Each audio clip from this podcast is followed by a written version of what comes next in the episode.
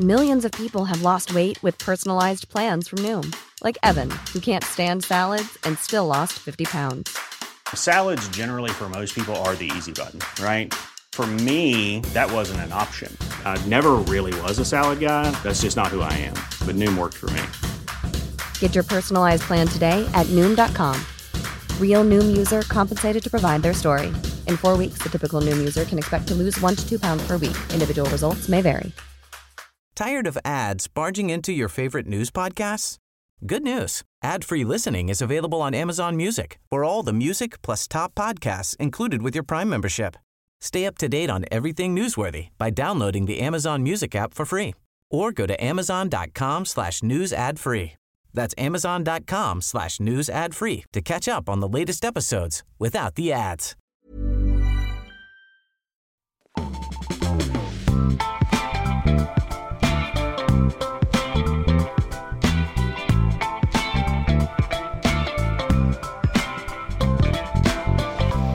Tjejtisdag! Den enda tisdagen Den enda som vi brukar tisdagen. säga här på Nyhetsshowen live från GP-huset. Hallå! God morgon Linnea Rönnqvist. God morgon Fannevik. Hur mår du tänkte jag säga. Skit i det. Vad ska du prata om? Det är det enda jag bryr mig om. Det är det enda du bryr dig om. Jag ska fortsätta det jag pratade om igår. Ungern röstade ju ja i parlamentet igår.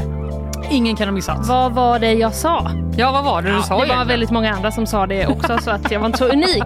Men eh, det hände. Vi kommer höra ett litet klipp på hur det lät när Ulf Kristersson tog emot den här nyheten i en fönstersmyg. Ooh. Mm. Det är inget ord man hör varje dag. Nej, Nej. Eh, Jag ska prata om den här spårvagnskrocken som skedde här i Gamlestan igår kväll och som fortfarande påverkar göteborgarna. Mm. Och sen ska jag också prata om Karlatornet där strömmen gick och alla ändå var jätte, jätteglada. De var så glada. jag hörde någon som sa att det var lite kris. Ja, det var en, eh, en, en, även den ska få hö- Ja, komma till bra. tals Mm, eh, när vi pratar om det här sen. Ja. Sen får vi två gäster idag. Det är Pontus stocktrader Olausson som för åtta år sedan bestämde sig för att ett vanligt jobb inte var något för honom och istället lever då på aktier. Ja. Va? Kan man göra så? Hur gör man? Hur då? Snälla lär mig. Ja, vi Skoja. har väldigt många frågor. Eh, vi får... eh, vi ska ta dem alla helt Vi, enkelt. vi tar dem i tur och ordning. Ja, det gör vi. Sen kommer också vår eh, fotbollskonung Robert Laul för att berätta om den nya arroganta dansken. Ja, Tillika vår nya förbundskapten för herrar i fotboll, eh, Jon Dahl Thomasen. Vem är det? Och eh, hur är han? och eh, vad betyder det här? Ja. Det vet Robert Laul. Och sen blir det bakvagn. sen blir det bakvagn. Vad har du där? Det blir del två i fågelkursen. Nej! Joho, joho. Jo. Mysets Ja, mamma det- tänkte jag säga. Men ja. Ja, det kommer det faktiskt att bli och mys för många mammor. Den är ganska populär bland mammor den här fågelkursen eh, faktiskt. Men säkert också unga. Säkert också, ja precis. Jo, absolut. Unga mammor. Eh, sen ska jag berätta lite om hur mycket sjukhuskläder patienter snor här i området och eh, vad som hände egentligen med biljettintäkterna efter att Västtrafik införde civila biljettkontrollanter. Mhm. Jag ska prata om en säl. Ja! Mm, Fast och, också eh, nej, för det, ja, det kanske är lite sorgligt. Ja, men den var väldigt söt. Ja, otroligt. Jag ska också prata ännu mer om Gunilla Persson. Mhm. Det är typ tio år gånger jag pratar om Tur det att du är tillbaka så vi får en uppföljning. Ja, jag känner att ni har bara inte tagit de här jätteviktiga nyheterna Det är när helt- inte jag har sett. Det är helt korrekt, så vi kan ha missat en eller två turer i detta. Ja, men eh, Eh. don't be afraid. Jag Nej. kommer att eh, bi- dra i det hela. Ja, vad skönt. Eh, hur mår du? Jag var jättebra. Mår jag, jättebra? eh, Ja, jag gör faktiskt det för att jag eh, lyckades rädda min favorittröja igår. Från dig själv när du tvättade?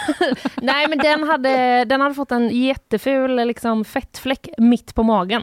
Nej. Och det hände för flera månader sedan. Så jag har egentligen liksom gått och varit så, vad ska jag göra? Måste jag säga hej då till den? Men du har inte försökt tvätta den på flera månader? Jo, jag har, jag. Jag har försökt tvätta den på ett vanligt sätt utan någon som, något som helst Utan försök med fläckborttagning. Och så igår så gjorde jag det och det funkade och då kände jag mig som en jävla trollkarl. Så att nu är jag liksom eh, på en high för att eh, min tröja är tillbaka. Du kände inte varför gjorde jag inte bara det här från början? Eh, jo, absolut. Det gjorde jag. Men var sak har sin tid. Vad var det du åt? Eh, ingen aning, den bara dök upp, Va? fläcken. Jag minns inte när den kom till faktiskt. Fruktansvärt. Men det kan väl ha varit någon tomatsås kanske här nere i källaren eller något. Ja, du, det ska man inte skoja bort. Nej, hur mår du? Men eh, Ja, jag har verkligen, eh, jag mår äntligen bra Äntligen efter bra! att jag var ute i lördags. alltså, jag vet inte. Jag är Mm. verkligen inte ung längre. Vad kul att du och jag ska på restaurang då, bland annat du och jag imorgon. Ja, jag vet, Mm. men eh, det kommer inte bli i närheten Nej, vad av skönt. det här som jag var med om i helgen. Ja, Jag tror vi bara lämnar, vi lämnar det bara där. Jag, jag känner att det är fan min ensak.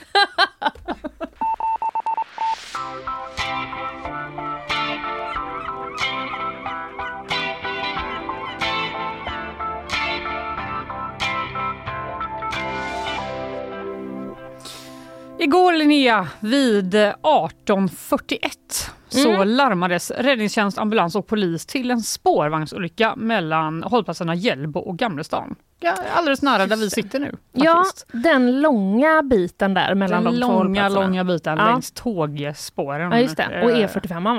Eh, ja, du, det vet inte jag. Nej, jag tror det. kan inte köra bil, jag säga, men det kan jag verkligen. Jag har körkort i tio år. Men skit i det. Eh, enligt uppgifter till Västtrafik då så ska, var det en av vagnarna då som stod still när den blev påkörd av en annan vagn bakifrån. Eh, och varför det har skett, det vet vi fortfarande inte. Nej. Men det är det som enligt Västtrafik har skett i alla fall. Just det, sånt kan ju hända. För jag hade jättesvårt att få ihop eh, först hur två spårvagnar kan krocka. Jag vet, då Eh, tänker man att det är så... jag alltså att båda kör fel. framåt tänker man ju. Ja, det, Nej, var, men så var det. verkar vara att en stod still i väntan på något och den Mm. andra kom bakom. Eh, och eh, det drogs igång ett stort räddningspådrag på platsen. Vi ska höra GPs reporter Anders Abrahamsson som eh, var där precis vid olyckan igår.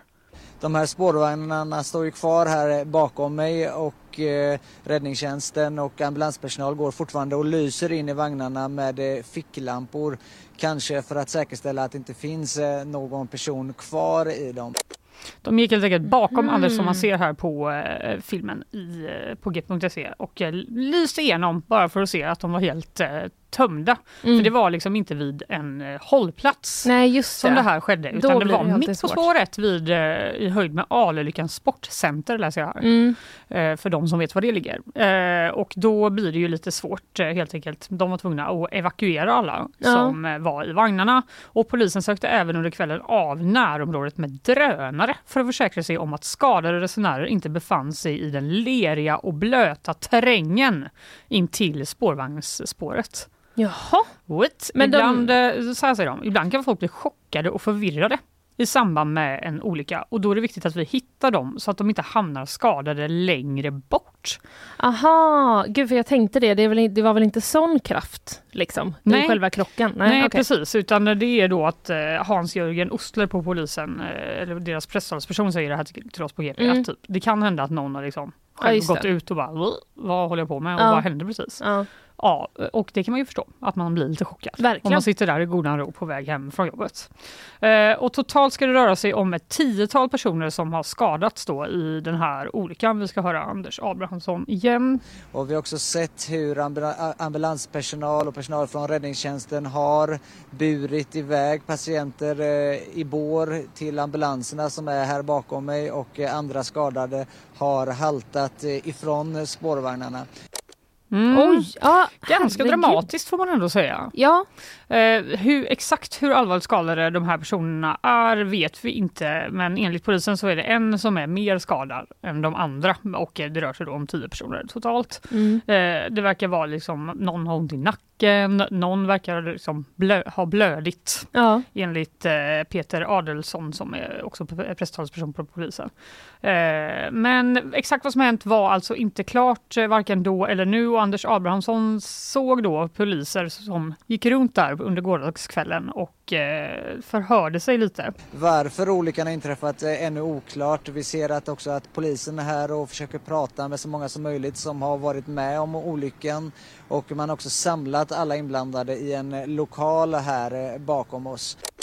De fick eh, komma in för att värma sig lite eftersom polisen ville prata med Mm. alla då så eh, kände de väl att kanske inte ska behöva stå här ute i Gamlestan Nej. eh, i februari. Mitt i ett dike I någonstans någon lerig terräng. vid spåret. Ja. Mm, den Man- här händelsen utreds i alla fall som trafikolycka med brottsrubricering vållande till kroppsskada och vårdslöshet i trafik. Mhm. Mm. Eh, och eh, ja, det vill inte, hör ju inte till vanligheterna den här typen av liksom, omfång av skadade i en spårvagnsolycka ändå. Nej, för det man tänker är ju att de vanligtvis går ganska långsamt. Ja, jag vet. Och då tänker jag så här. Just, just de här ja, hållplatserna från eh, Centralen ut mot Gamlestan Mm, och Hjällbo är mm. ju så sjukt långa. Ja, De bara drar på där. sant. Det är ju en, en lång raksträcka. Mm, det är en lång raksträcka. Och eh, klart är i alla fall att under hela går, gårdagskvällen, men även nu på morgonen, så är det stopp i spårvagnstrafiken mellan Angered och eh, Gamlestan. Mm. Och enligt Västtrafiks eh, trafikinformation så har man då ersättningsbussar som går från Gamlestadstorget och ja, hela vägen ut till Angered. Västtrafik säger att Oj. en av spårvagnarna stod stilla och att den de här spår Det här har hänt mig en gång innan. Ja, ja, det, vi kom Förlåt, precis ni som bara det. hör. Så har jag liksom inte tagit på något utan det bara börjar spela Det Anders Abrahamsson en igen. Men bara tyst med dig, han var ju där! Vad fan vet du om det?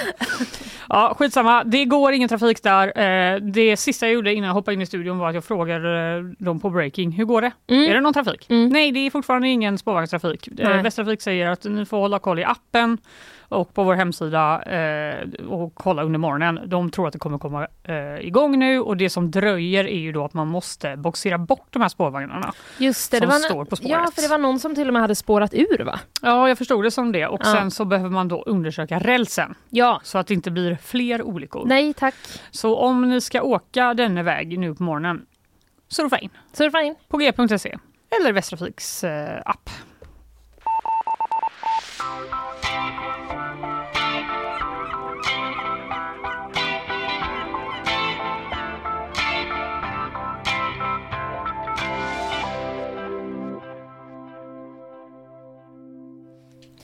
Nu du Fanny.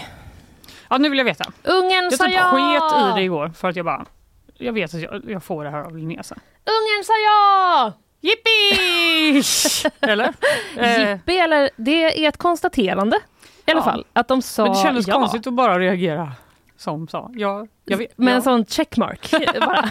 ja, eh, med verbal check. Ja, precis. Mm. Eh, nej, men de röstade ju igår i parlamentet då i Ungern och så här eh, lät det. Vi kan lyssna lite när Ulf Kristersson då tog emot eh, det här beskedet om hur det gick i omröstningen.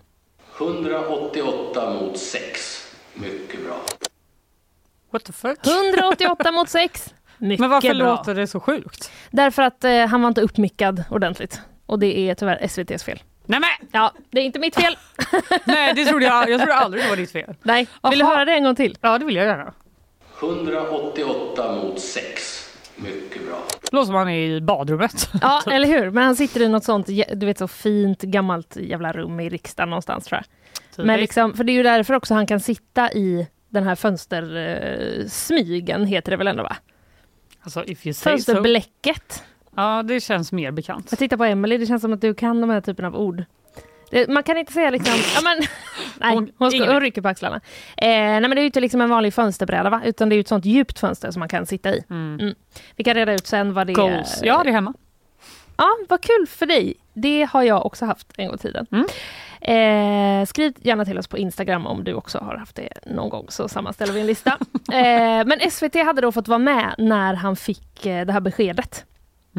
Så de filmade honom och, Och de blev så exalterade att de glömde micka upp honom. Ja, jag vet inte riktigt hur det gick till men det kan ju också vara, du vet, det är ju mycket skit med kameror. Man ska ju ha rätt inställning och Alltså, allt sånt där. I wouldn't know, har aldrig jobbat med TV. Nej, men så eh, är det ju eh, i alla fall. Eh, men de fick vara med och då satt han i det här fina, fina rummet när en svensk ambassadör då, som var på plats i Budapest, ringde till Ulf och berättade. Mm. Och 188 mot 6, det var alltså då eh, ja, men resultatet eh, som jag nämnde tidigare Mm. i omröstningen. Mm. Eh, vilka som röstade och... Eh, Mycket bra. Vilka, men hur många? Eh, mycket bra tyckte han. Han sa till och med mycket bra en gång till. Men då hade SVT faktiskt lagt någon som gick med klackar över så det fick jag ta bort. Så Men kanske- gud! Ja, det, men det, ja, precis. det en var liten sent på kvällen. En liten, ja precis, men eh, ändå. Hur mycket firande och liksom fest var det efter det här eh, beskedet då?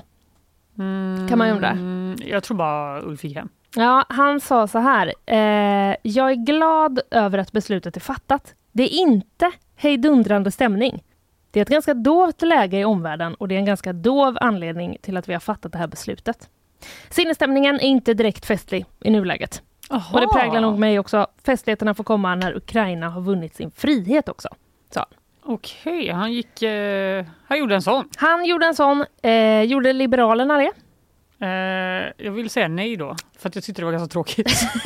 Deras utrikespolitiska talesperson Joar Forsell, han hade champagne på kylning. nej! Jo! Ja, ja, okej, ja. Och säger till Expressen då att han hoppas på NATO-tårta till riksdagsmötet. Eh, eh, Liberalernas då riksdagsmöte på tisdagen, alltså idag. Undrar hur den ser ut.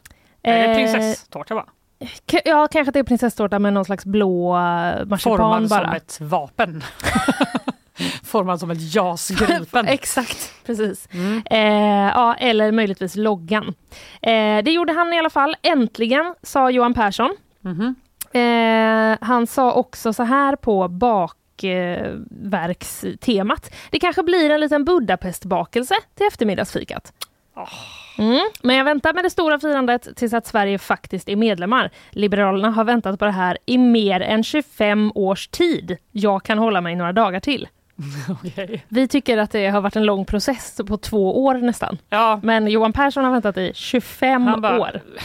Hold my beer. Ja, precis. Mm. Det är inget, eh, ingen fara för honom. Vänsterpartiet då, de var lite mer eh, på, i Kristerssons läge kan man säga, i alla fall inte fäst. Ett haveri, Oj. sa eh, faktiskt deras eh, utrikespolitiska talesperson Håkan Svenneling till Ekot. Men här har det funnits en väldig stress och hets från svenska politiker att så snabbt som möjligt komma med i NATO, men som istället har visat sig blivit en lång och svår resa och därför varit ett haveri. Mm. Det är lite samma känsla i Miljöpartiet också från eh, Daniel Heldén. Vi har varit alliansfria i 200 år och att på så snabbt slänga in en ansökan tycker inte vi var ett bra sätt att göra det här på. Det gick lite snabbt i början där Mm. för Miljöpartiet, Mm. eller i början av processen i alla fall. Ja, det får man väl eh, säga då om man jämför med Johan Perssons perspek- perspektiv i alla fall. Ja, exakt. Men Ungern har i alla fall ratificerat oss. Mm. Det, detta vackra ord. What does it mean?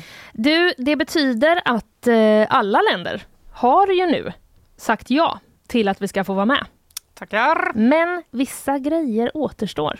Ja, det brukar vara så va? Ja, innan då den svenska flaggan kan hissas utanför Natos högkvarter i Bryssel, där vi då, som vi har rapporterat om tidigare, det står en flaggstång redo. Ja, Och den har stått där ett tag. den är naken. Och eh, Sveriges liksom så NATO eh, nu minns jag inte hans namn riktigt, men eh, han är ju vår representant på något sätt Mm. i de här eh, eh, frågorna. Han sa ju också då att eh, han går förbi den varje dag Och bara, och tittar upp mot den tomma flaggstången. Verkligen. Han får gå ut när de ska ha olika möten och sådana grejer. Ja, ja, ja. I alla fall, det är några grejer kvar. Mm. Eh, det finns, för den som är intresserad, en eh, otrolig tidslinje på Du, gp.se. jag såg det. Ja. Det är någon som har varit så duktig. Den är faktiskt väldigt snygg Mm. och informativ. Mm. Toppen. Ehm, jag ska inte dra hela den, men Nej. jag drar, jag drar lite grann nu här. Ja, jag jag drar vill lite veta. snabbt så får man he- hänga med. Ungerns president ska skriva under. Mm. Dokumenten ska sedan skickas till USAs utrikesdepartement. De meddelar sen Jens Stoltenberg att Sverige har uppfyllt alla villkor. Mm. Sen, Jens Stoltenberg igen då, alltså Natos generalsekreterare, skriver under en inbjudan och skickar den till Sverige. Anslutningsdokumenten eh, skrivs under av vår utrikesminister Tobias Billström. De skickas sen tillbaka till USAs utrikesdepartement. Där deponeras de och därmed är Sverige medlem. Det blir en ceremoni med flagghissning vid huvudkvarteret i Bryssel och Sverige får i och med det inte just flagghissningen, eh, tillgång till Natos operativa planering. Wow. Papper ska skickas fram och tillbaka runt jorden, en flagga ska hissas och sen får vi höra vad alla andra vet. Ja, det undrar jag om det är så här. Något helt otroligt. Eller hur? Kan det vara så att det finns någon information om aliens, höll jag på att säga. Jag skojar bara. har missuppfattat hela NATOs syfte. Jag tror att det är sån eh, spana efter eh, ufon. Ja, jag tror inte det är det. Nej, jag tror inte heller det. Men okej, det var ju, låter skitjobbigt, men det är väl inte så jobbigt. Det bara Nej, lät det- väldigt mycket nu Ja, när men du sa det så på precis. rad. Det är ju många steg. Eh, papper hit, sen papper dit, skrivs under av två olika människor, skickas tillbaka, deponeras då, det här eh, konstiga ordet, Mm. som eh, man inte stöter på så ofta. Nej. Eh, och sen lite flagghissning och fest. Ja, ja, men eh, Vi väntar på att Ulfs champagne ska kylas då helt enkelt. Ja, Liberalernas är det ju. Ja men de har väl redan kylt sin. Ja. Och jag vet inte om han kommer dricka någon champagne. Det lät ju, han var ju inne på det att... Ja eh, just det, han skulle vänta till Ukrainas När de har- frihet. Ja, precis. ja, ja okej. ja. ja, då väntar vi inte på det. Nej, vi väntar på flagghissningen. Ja det gör vi.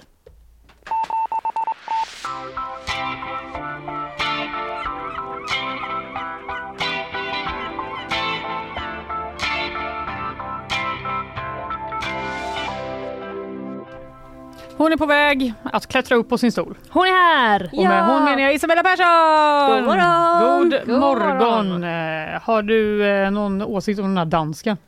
Eh, Tomasson. Ja. Eh, ah, men kul. Kul! Kul! Ja, vi får se vad, om Robert Laul eh, håller med dig sen. Ja, Men eh, nu byter vi ton va? det gör vi. Nyhetstonen. Joe Biden tror att ett beslut om vapenvila mellan Israel och Hamas kan fattas under denna vecka.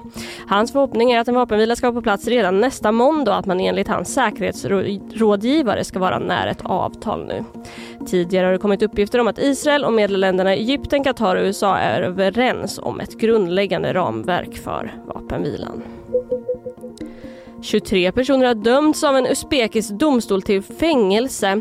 Detta efter att 68 barn dött efter att ha tagit hostmedicin, det rapporterar BBC. Enligt domstolen hade mannen som dömdes till längst straff gjort sig skyldig till korruption, skattebedrägeri och förfalskning. Hostmedicinen som orsakade dödsfallen var tillverkad i Indien och landet har sedan tidigare stoppat licensen för tillverkaren bakom medicinen. Taylor Swift slår nya rekord. I totalt 384 veckor så har nu något av hennes flera album legat på topp 10 på prestigefyllda Billboard 200. Listan samlar de populäraste skivorna i USA och när senaste listan kom hade hon inte mindre än tre album med, 1989, Lover och Midnights. Och med det slår hon Beatles tidigare rekord på 382 veckor. Första gången Swift tog sig upp på listan var november 2017 och sedan dess har hon alltså, alltså hållit hållit sig kvar.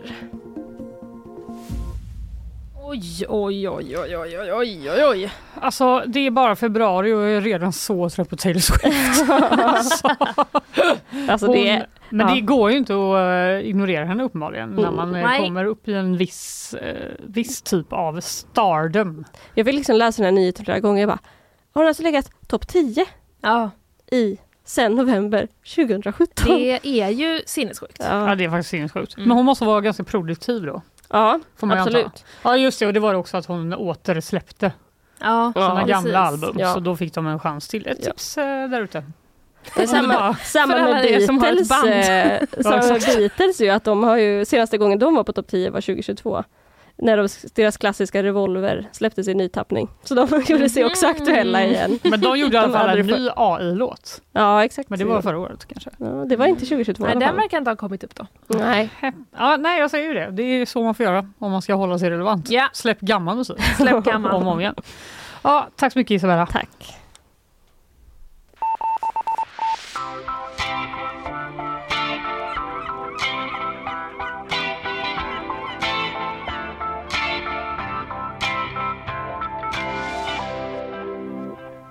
Nu ska vi prata om eh, en eh, lokal angelägenhet. Ja, Karlatornet! just det. Eh, goda nyheter därifrån. Mm. Grannarna har börjat prata med varandra. Trevligt. Det var ändå trevligt. Verkligen och eh, svåruppnått i eh, vårat land. Det är ju det. Det Mm. krävs eh, kanske till och med ett strömavbrott. Vet du, det är faktiskt helt sant för att eh, i eh, min förra lägenhet pratade jag inte med grannarna överhuvudtaget förrän eh, brandlarmet gick. Nej. jo. Ja, men det är, väldigt, det är något väldigt svenskt med den här eh, nyheten. Ja, Helt enkelt. För att eh, de hade helt, helt enkelt ett långvarigt strömavbrott som enligt då en anmälan till Arbetsmiljöverket ska bero, ha berott på att vatten eh, efter att en tryckreduceringsventil gått sönder hade runnit 50 våningar ner i skyskrapan. mm. Och sen enligt då Karlatornets platschef Daniel Massott eh, letat sig ner till vad han kallar för ett apparatrum i en våning under marken. Aha, vatten och el. Exakt. Det låter inte bra. Då blev det Ja, strömavbrott. det kan jag tänka mig med mina elkunskaper som Ja. slutar där. Men ändå. Du är imponerande på många sätt. Tack. Eh, det här låter ju skitjobbigt. ändå. Ja, det gör det Vatten faktiskt. rann 50, 50 våningar ner i våningar. ett rum med massa apparater i. Ja. Eh, verkar inte så jobbigt. Anders Abrahamsson då, känd från eh, spårvagnsolyckan. Ja. Vi pratade om i början av ja, programmet. precis. Eh, han verkar alltså ha befunnit sig, enligt mina beräkningar, eh, i Karlatornet då, när den här spårvagnsolyckan skedde. Jaha. För att i artikeln som han har skrivit på vår sajt så står det att eh, runt 18-tiden, Mm, och det här var ju 1841 Ja. som spårvagnsolyckan var. just det. Runt 18-tiden så satt han i Karlatornets eh, reception och eh, där träffade han kanske Sveriges mest positiva familj, familjen Johansson. Det är min tolkning, det är inte Okej. han som skriver det. Nej. Men så här säger de då. Det går ingen nöd på oss. Det här Nej. är pappa Torbjörn som säger det. Dottern Annie har lagt ifrån sig sin mobiltelefon på laddning i en grenkontakt som har då lagts upp på konferensbordet där inne. Mm. Klockan ringde inte i morse. Det var så vi upptäckte strömavbrottet, säger Torbjörn. Aj, aj, aj, aj, aj. Eh, omkring 12 timmar senare så sitter de då samlade i vad familjen beskriver som skyskrapans bibliotek trots att några böcker inte verkar synas till. Mm. De håller fortfarande på och där. Det kanske eh, är ett sånt, eh, sånt bara eh, läs på din mobil, bibliotek. Perfekt. det är ett vanligt rum bara. Ja. Så får man läsa en e-bok. Ja. Eh, nej, men de verkar liksom inte lida överhuvudtaget av att inte ha någon ström eller något varmvatten. Jag tycker de har hanterat situationen väldigt bra. Nu får vi ju också chansen att lära känna våra grannar, säger Torbjörn. Är det någonting man vill? Nej, absolut Man inte. vill väl motsatsen? Ja, jag är verkligen en sån som typ lyssnar Ja, i trappuppgången om någon är där och Ja, ja. sen väntar tills de inte är där. Självklart. Man Ja. har ju hörlurar av en anledning. Verkligen. Eh, men det verkar liksom som att det finns en del då mingelmöjligheter eh, för de här familjerna. För Mm. att det visar sig att just eh, under måndagen så var det ett större antal personer än vanligt som var på väg att flytta in i Karlatornet. Ah, oh, det var ju inte toppen timing då. Det var ju inte det är inte det man orkar med Nej. när man ska flytta. Nej. Det är ju skitjobbigt att flytta. Ja, det är det. Och då tänker man också, gud vad svårt att flytta in i Karlatornet om det inte finns någon hiss. Mm, det verkar som det fanns en hiss. För Aha. att eh, eh, Johan Live som är pressansvarig på Serneke, han säger så här. Det är strömlöst så tillvida att det inte finns el i lägenheterna. Men hissar och brandsäkerhet fungerar med hjälp av reservgeneratorer. Ah, ja, just det. Ja, Så alltså, det- det... Det, slog faktiskt inte mig ens att hissen, eh, att det blev ett problem ja, eftersom det är så sinnessjukt högt. Ja, bara, tar du soffan, den ska upp till våning 100. Men alltså bara, bara att det är strömavbrott och att man bor på typ Ja, våning vet. 70. Jag vet, jag är Eh. fortfarande traumatiserad från när vår hiss gick sönder i två veckor. Ja. Och jag bara skulle försöka liksom, leva på våning fem med min hund och Ja. eh, mitt barn. Mm. Eh, men eh, det var en person som inte var lika hi- himla glad då. En Anna Maria Rosén som vi har pratat med på GP som då möttes av strömavbrottet när hon och hennes man skulle hämta nycklarna till sin nya lägenhet i tornet. Mm. Vi fick hämta nycklarna och sätta oss i ett mörkt rum säger hon. Och sen eh, beslutade de att ta in på ett hotell istället. Och Sätta oss i ett mörkt Ja, rum. Det var så. Ja, vårt nya liv i Ja. Karlatornet. Ja. De tog in på hotell och var så, vi får flytta på tisdag istället. ja, Eller när elen kommer tillbaka. just det. Men alla andra GP har pr- hittat har varit fruktansvärt positiva. Ja, okej. Vi har det jättebra. Vi trivs jättebra här. Vi har fått kaffe och bulle och vi har det hur bra som helst, Nej, säger en man som GP intervjuat. så bra kan du inte Ingen har ha någonsin det haft det så här mannen. bra som den här personen har under ett strömavbrott i Karlatornet. Förslag till Karlatornet, stäng alltid av elen. Ja, Folk verkar ju älska det. Flera andra boende som GP har varit i kontakt med under måndagskvällen var i samma sinnesstämning läser jag på vår sajt. Vad, är det? Vad har de i vattnet i det där tornet Jag vet inte. Det är inga problem alls här, säger en annan man som bor i skyskrapan. Förutom att vi inte har någon el och vatten. Det är väl ändå ett problem? Det är väl ändå ett ganska stort problem. Alltså det vill man väl ändå ha? Ja, Det skulle jag verkligen Där säga. man bor. Att man vill. Ja, eh, och hur man har, då undrar man ju så här. Vad, vad har man lagt i vattnet? Men Ja. de har ju inget vatten. Nej, de har inte det. hur har de lyckats Luften. hålla en så fruktansvärt god stämning? Ja. De har mutat alla. De har mutat alla! Ja, det här är mitt ord vill jag bara säga. Ja. Men de har, eh, platschefen här då säger att man har beställt in 800 frukostar från Brogyllen till de omkring 300 personerna som så långt har fuktats in i tornet. Här finns kaffe, te, kakor, powerbanks och så får alla presentkort på Foodora för att kunna beställa vad de vill till middag. Oj! Och de har också beställt ungefär 600 wraps och sallader som de har lagt in i olika kylar. Så då känner jag bara så här, Alltså, det är då- så fruktansvärt mycket mat till ganska få personer. Men det är ja, alltså om jag hade fått eh, sex, vad var det, 800 frukostar från Brohjulen. På 300 personer. Ja, då hade jag också varit glad kan jag säga. Om jag hade fått två och en halv frukost. Ja. Och Foodora och massa och middag liksom, och wraps och sallader. ja. Och kaffe och Ja, bullar. men då fattar man ju, eh, då kan man ju fatta deras inställning. Ja. Händer det ett strömavbrott hemma hos mig, alltså då eh, i bästa fall så får jag typ ett sms av Göteborg Energi som berättar att det är strömavbrott, vilket Ja. jag redan vet. Det är Men ganska då- ofta att man bara, har de stängt av strömmen? Ja, Då tänker jag alltid till Västlänken. Och det är det typ aldrig. Men inte här verkar det som då. nej. Men det, jag vill bara säga att det till alla hyresvärdar där ute. Det är uppenbarligen så här man gör Precis. om man vill att folk ska vara glada. Ja. Och eh, vid 20.45 igår på kvällen då så fick man tillbaka strömmen. Mhm. Så nu hoppas jag bara att eh, de minglar vidare då även om de inte behöver. Nej, För det verkar så himla trevligt. eh, verkligen. Jag hoppas att, var det Anna-Lena? Eh, var det Anna-Maria? Anna-Maria. Jag hoppas att hon och hennes man eh, kan liksom flytta in lugnt idag nu då. Mm, och att de får lite hjälp av alla snälla, snälla grannar. Just det.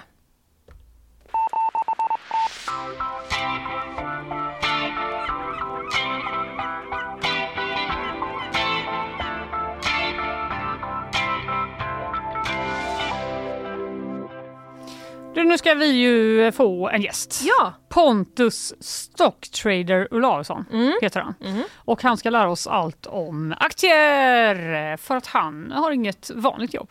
Nej. Det är det han jobbar med. Så himla sjukt. Du ser på ditt ansikte att, hur sjukt du tycker det är. Ja, men jag fastnade bara i att du sa att han ska lära oss allt om aktier. Eh, och att det är inte så att vi ska ha en kurs. Eller? Ska vi det? Bero, nej, det ska vi inte. Men eh, för mig som inte kan något Jo, jag vet. så jag tänker jag att jag kommer kunna Ja, alltså, mer det om var en en- liten stund. Det var en överdrift av mig. Jag bara såg framför mig dig och mig med olika pennor och papper och ställa olika frågor. Nej, nej, nej, nej, nej, nej. Ni får hänga kvar lite ska vi släppa in honom så fattar ni eh, mer stämningen sen.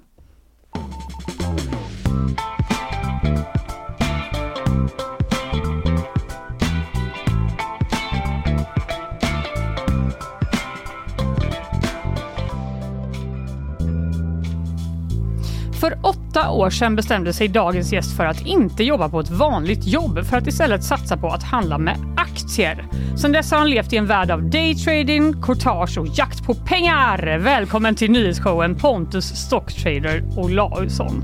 Tack så mycket. Vad tyckte du om den presentationen? Jo, ja, nu trodde jag att det var ja, men det, det var Det, bra. den ringade in dig. Stämde den? Ja, Mm. jo, det stämde bra. Det var inga faktafel i alla fall. Nej, Men du, eh, 2015, Mm. då så var du 23 år gammal och utbildad nationalekonom, eh, nationalekonom Ja. eh, och väljer att gå liksom all in på aktier. Hur, hur kom du fram till det? ja det kan ju eh, anses lite märkligt med tanke på att jag var utbildad egentligen och redo för att börja söka jobb. Mm. Men eh, ja, under studietiden framförallt så blev jag helt uppslukad av eh, aktiedelen där ute och ja, men insåg att det fanns människor som kunde livnära sig på det på heltid. Mm. Eh, Men kapitalet var inte riktigt på plats ännu då så eh, därför så blev det några månader på Tjörns Sparbank först eh, innan jag tog det steget ut då. ja, just det. Man måste ha något att börja med om det Ja. ska bli något. Liksom. Precis. Ja. Sen hade jag ju ingen enorm Fan. summa när jag började men Nej. Nej, vi ska prata lite mer om det sen. Men kommer du ihåg vad folk sa typ när du var så här? Vet du vad? Jag tror att jag ska börja försöka leva på det här istället för att jobba vidare på banken. ja men mina vänner tyckte det var coolt och tyckte att jag skulle satsa liksom om jag, ja, men om jag ville. Mm. Eh, Min familj och eh, ja, men farmor och farfar, mamma och pappa och så liksom, de kanske inte var lika entusiastiska till eh, det valet. Nej. de var ju mer så här traditionella att man ska skaffa sig Mm. en anställning och ha eh, ja, än ett vanligt jobb. Liksom. Mm. Men vad säger ni nu då? ja. Men du var lite inne på det med kapitalet, men hur mycket pengar hade du då liksom när du började? Ja, jag sa ju 167 000 i artikeln som kom ut nu men eh, 166 800 var det exakt. Det, Oh. Den siffran glömmer man liksom inte. Nej, jag förstår det. Men det ty- tycker jag låter skitmycket. Men det kanske det inte är. Alltså för att börja med detta på heltid är det ju verkligen inte mycket. Nej. Jag bara. Man måste ju ha lite kapital att flytta runt för att det ska generera någon form av avkastning. Liksom. Ja, det är Mm. klart. För att kunna livnära sig på det. Det är ju det som skulle bli min primära inkomst. Liksom. Så, Men visst var det typ att dina föräldrar var så här, okej du kan testa i tre månader.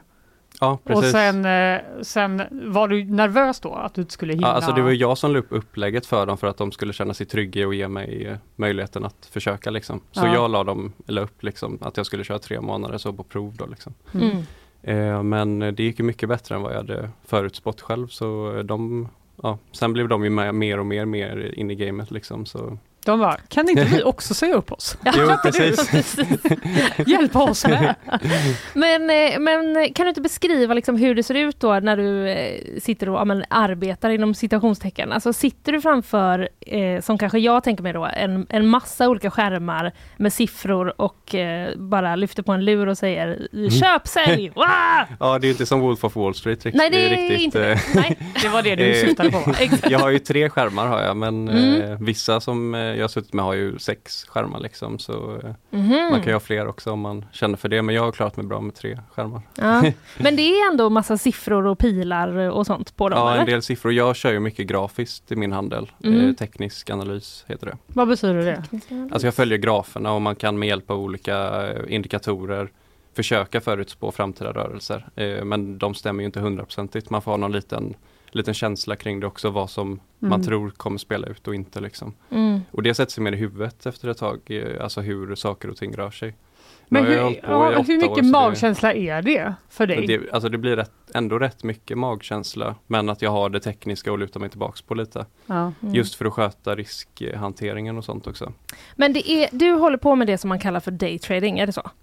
Ja, inte lika mycket längre. Det har blivit Nej. mindre och mindre genom åren. I början var det mer daytrading men även då var det mycket swing trading som det heter. Jag tar med mig positioner över natt som kan vara upp till dagar och veckor.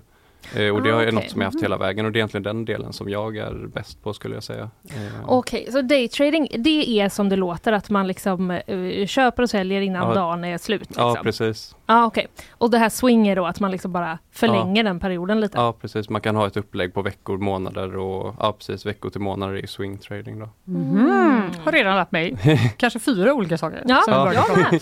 Jag med. Men eh, jag blir så lite nervös av det här. Det är ju inte som att ha typ, alltså går du till banken och har ett jobb så vet du ungefär vad Ja. din arbetsdag kommer gå ut på. Det är inte Ja, lika precis. mycket risk.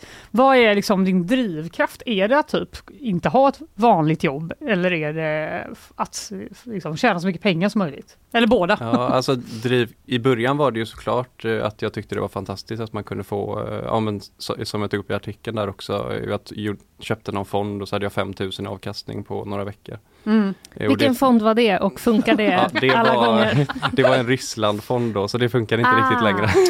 Mm. såklart. Det var den fonden eh, som jag fick bland annat när jag ja, fyllde 18 med mina Mm. föräldrar. Så flyttade jag, började jag flytta runt dem lite.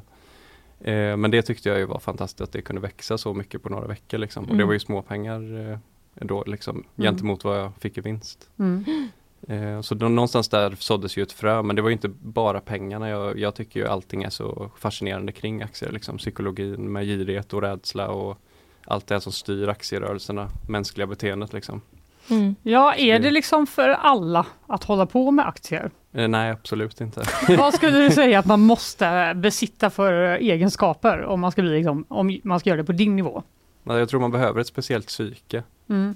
Eh, sen så säger jag inte att mitt psyke är bättre än, än andras, men man behöver klara av att förlora pengar Mm. Mm. också. Och den delen är där många faller bort. Liksom. Eh, och framförallt för min del, jag har varit lite av en jag, jag har tagit stor risk liksom när jag tror på någonting. Eh, Mm. och det har ju gått snett ibland med och då måste man klara av att ta större smällar. Och det för vissa kan det ju vara förödande liksom och de kanske skiter i det här direkt men eh, jag har ju haft det här intresset av det också vid sidan av Mm. utöver bara pengarna. Så jag, det har varit drivkraften kan man säga att jag tycker att det är så roligt fortfarande även om Mm. jag förlorar pengar ibland. Men, kan, men, eh, men hu- hur har du haft liksom sådana dagar när du bara, nu har jag förlorat x antal hundratusen typ, eller hur kan det? Ja, de värsta dagarna har ju varit, kunnat se ut så. Ah, Eh, Vad gör man då till middag liksom, när man släcker ner? Nej, man får försöka släppa det bara liksom, Ja. och gå vidare och sen så bara backa och se vad man faktiskt har gjort, eh, alltså presterat över tid liksom innan. Mm, Det just blir det. ju st- alltså, så- den volatiliteten blir ju större och större rent eh, summässigt liksom, ju längre man har hållit på. Just det, du måste ha an, inte bara dagsperspektiv. på Nej, det, man måste då- zooma ut, eh, annars så hade jag ju kastat in handduken liksom första veckan. Ja. Eh, Så det, Och det hade nog jag gjort om jag hade testat känner jag direkt. Ja, jag känner typ pulsen gå upp bara jag pratar Ja, man blir lite eh, svettig. Ja. Men eh, känner du aldrig att det är liksom läskigt eller att du ska oroa dig för att det skiter sig helt någon dag? Du tar för stor risk eller vad det nu kan vara? Nej, inte, inte på det planet liksom, men eh, det, det, det är ju en del i att jag har startat också nu bolag, liksom, eh, pensionsbygget då. Eh, Just det. Eh, Det är för, för min egna del också, liksom. nu får jag ju mer ett stabilt kassaflöde med efter åtta år på heltid. Eh, Så det, det är liksom en del i att plana ut det hela, men jag är ju småbarnsförälder nu och det kan vara skönt att ha något lite mer stabilt också vid sidan av eh, aktiehandeln. Mm. Så det är ju en del av det också. Liksom. Mm. Men om, man, eh, om det sitter någon och lyssnar och är, är sugen på att liksom göra samma sak och bara sluta jobba och gå all in på aktier. Vad, vad är dina bästa tips till den personen? Eh, ja men först får man ju ha en rimlig startsumma. Man får ju räkna lite på det liksom, hur mycket man Mm. har i utgifter i månaden, vad man behöver generera för avkastning för att kunna leva på det liksom. Eh, har man kommit längre in i livet så blir det ju svårare. Eh, det har ju varit svårare för mig att ta steget idag Just det. Mm. med boende, barn. För du har högre kostnader från början. Ja precis. När jag började så var det precis efter studierna så jag hade ju flyttat hem då så jag hade ju mellan 5 och 10 000 utgifter i månaden totalt liksom. Mm. Drömmen. Eh, ja. så där hade jag ju ett år då hemma liksom innan jag flyttade till Göteborg. Så om någon är lite yngre och lyssnar på det här så kanske det är ändå en tid Ja, att men det, testa om ja, man men det är kan. när man är ung skulle jag säga som det är ju då man ska våga ta risken Mm. i Mm. olika grejer. Ju senare skede i livet har kommit desto större steg är det och ju mer riskfyllt blir det också. Ja precis, Mm. alltså kan man, tycker du att man kan rekommendera en eh, vuxen människa att bli typ trader på heltid? Det är det för riskabelt? Alltså vet man att man är duktig och alltid har presterat väl vid sidan av sitt jobb till exempel, då skulle jag väl ändå säga att ja, men ge det ett försök. Mm. Men du får ju veta det innan, inte bara ja men säg, du går och säger upp dig nu och inte provat någonting innan. Sluta genast. blir så inspirerad av. Ja, nu alltså. ska jag, nu kör jag Ja. på det liksom. Nej. Men, Nej. men om, eh, om Fanny då inte gör det, gärna, utan eh, kanske istället liksom bara vill börja lite vid sidan av, alltså börja småhandla lite Mm. med aktier. Vad- hur ska hon eh, tänka då? Hur Nej, gör men man? Börja med att starta ett konto. Eh, investeringssparkonto är bra. Mm. Eh, Mm. Avanza, Nordnet. Eh, det, finns ju, och det finns ju hur mycket som helst att googla fram. Liksom. Twitter är ju då framförallt en jättebra plattform där det finns jättemycket matnyttig information. Mhm. Eh, Finanstwitter kallas ju den sfären jag har varit med i där. Ja precis, för du, jag kallade ju dig för Pontus Stocktrader Olausson och det var ju Ja. inte bara för att typ vara lite fyndig utan eh, det, Stocktrader är ju di- ditt namn på X nu då, Ja, eller Twitter. precis. Eh, och eh, du gav anonyma tips innan. Ja, eller tips gav jag väl inte, eller ja, det beror på hur man tar det liksom. Men jag har delat med mig av vilka positioner jag tar där också eh, innan. Mer information typ. Ja, ja precis, mer informativt. Man kan följa massa olika traders där liksom. Eh, och investerare som delar med sig av vad de, ja, men vad de gillar för aktier och varför de har köpt vissa aktier. Och Ha, det är ju där man kan finna mycket inspiration då själv om man kommer utifrån och vill Mm. ja, men Ja, hitta ett ja. bra forum. Det är lite som eh, den här huvudpersonen i GameStop eh, liksom, filmen, om du har sett den. Ja, jo, jo, jag tror jag har sett filmen. Ja, han håller på och liksom lägger upp Youtube-videos och visar vad han har investerat i och sånt. Det är ja, det typ. inte riktigt så. På den Nej. nivån är det ju inte. Det, här är det bara skrift. Mm. Ja. Liksom, och det rätt, kan vara rätt korta inlägg och det är där det är, ja, men det är också en del då till att jag har startat nyhetsbrevet. Alltså Mm, jag delar med mig precis. mer information och mer matnyttigt då kring positionen också. Eh, framförallt genom Substack då som jag började. Mm. Men på Twitter kan det bara vara väldigt kort, någon säger jag köpte det här. Och så ska folk liksom, eh, ja men de som väljer då hoppa på det, de har ingen aning om vad den personen tänker ifall det går åt andra hållet. Ah. Ja, just det. Så då kan många hamna väldigt snett ibland och eh, förlora pengar på det sättet då liksom. Men nu delar jag ju öppet med mig om vart jag, ja. Ja. men, när jag kastar in handduken om jag tror att jag har varit fel ute liksom. Men hur Mm. kom det sig att du var liksom anonym på Twitter till ett nyhetsbrev i ditt eget eh, namn? Eh, alltså det, jag har ju alltid haft i bakhuvudet att jag har velat göra något lite mer, ja men seriöst. Mm. Som det ses i, från samhällsperspektivet liksom. Mm. Eh, och det har ju varit ett steg då i att starta det här bolaget nu då. Mm. Ehm, Vad, är, vad är ditt bolag? Vad gör det? Ja men det, det bi, eh, bihåller ju då det här nyhetsbrevet där man Mm. får följa min positionering i de aktierna som jag hyser störst eh, tilltro till. Mm.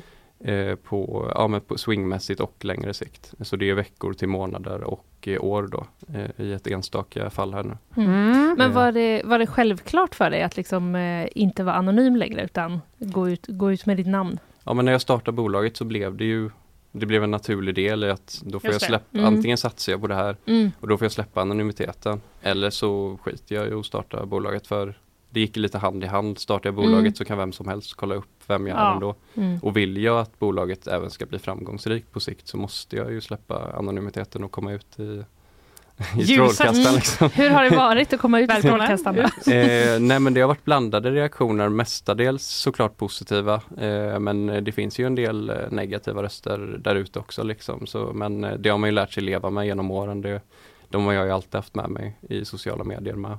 Jag har ju en så Mm. stor följarskara så det blir ju, det är ju en naturlig del för alla som är stora i sociala medier. Lite kritik Ja får man precis räkna och det får med. man ju tåla liksom. Men varför är det så många som är anonyma som delar den här typen av eh, aktietips och sånt? Men jag skulle säga Twitter eller X, eh, alltså generellt är ju en väldigt anonym social media liksom. Eller Ja. plattform, många är ju anonyma. Oberoende om du delar aktier eller fotboll eller ja, vad som helst. Eh, men eh, många har ju fu- funnit en trygghet där då, aktiemänniskor som kan dela anonymt, sådana som sitter på större kapital och eh, ja, men kan vara lite oro- oroliga av vissa anledningar. Ja, just det. Det kanske är lite känsligt ändå om man är, har jättemycket pengar. Mm. Jo, precis.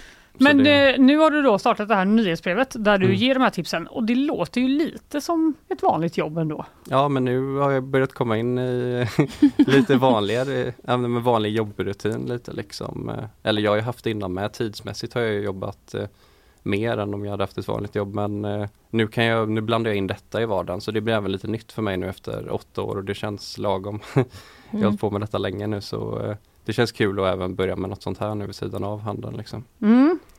Eh, jag ska säga också att eh, den här intervjun som vi har refererat till eh, under vi har pratat här, det är ju att du har blivit intervjuad av Alexander Piochet på vår ekonomiredaktion och den finns på g.se nu så om man vill läsa mer. Det finns också en väldigt pedagogisk genomgång då av olika aktiebegrepp som kan vara bra att ha Mycket med bra. sig om man känner att man vill ge sig in i den här världen helt enkelt. Mm. Eh, Så gör det. Lite tips till våra lyssnare. Mm. Och eh, tusen tack för att du kom hit idag Pontus Olausson. Ja, tack så mycket Det var väldigt eh, roligt och spännande. Ja, tack detsamma.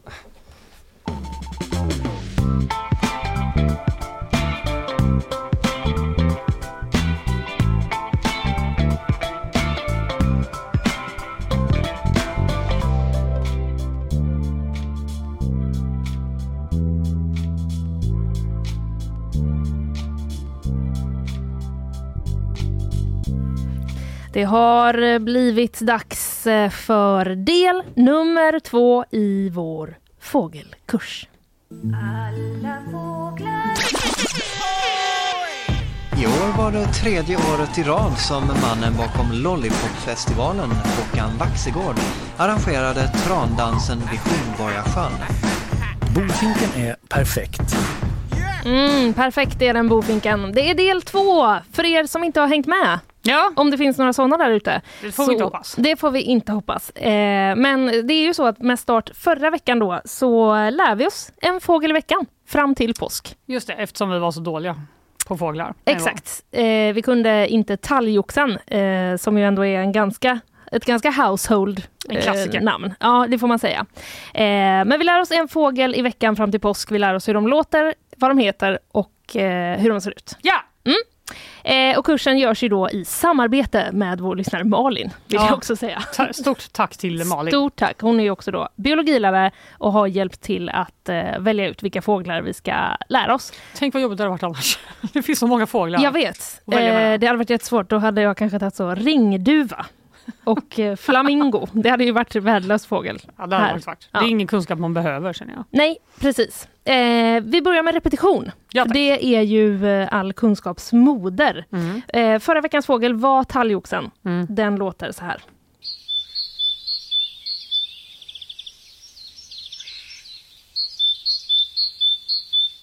Beautiful. En stunds meditation. Ja, det var som att jag Eh, bara flög ut ur mitt medvetande. Exakt samma sak hände mig och Kalle när vi lyssnade på det förra veckan faktiskt. Eh, och jag har, eh, vill bara säga att jag har hört talgoxen flera gånger den senaste veckan. Ja, det är, ju, det är väl nu man hör den va? Ja, men det är också första gången i mitt liv som jag hör en fågel och tänker, det är den där fågeln. Ja, det är ändå mäktigt. Ja, det är någon slags eh, epiphany här. Jag har blivit frälst tror jag. Eh, men den finns att lyssna på också igen då i våra höjdpunkter på Instagram om man Ja. vill gå in och eh, öva. Nu ska vi gå till denna veckans fågel. Berätta. Alla undrar, Jaha. vilken är denna veckans fågel? Det är koltrasten. Oh. Ja, har du speciella varma känslor för koltrasten? Alltså, det känns också bara som en eh, klassisk fågel. Ja, verkligen. Den har ju typ blivit framröstad till Sveriges nationalfågel i någon omröstning någon gång. Men Va? jag tror inte att vi har en officiell. Nej, det var det första jag tänkte. Har vi Ja, det? nej, jag tror inte det. Skitsamma. Men den är i alla fall populär och även den kan man höra redan nu ute i verkligheten. Enligt uppgifter eh, till mig från eh, producent Emily så fanns det minst en koltrast i Majerna igår kväll. som hördes, vill jag bara säga. Eh, wow! Wow, eh, verkligen. Eller cool-trast som Emily då eh, kallar det. Säg aldrig mer så, Emily. Säg aldrig så igen. Dubbla pistecken gjorde hon ändå. ja. Ja, men nu vill jag höra det. Eh, nu vill jag höra den. Mm. Här kommer koltrasten.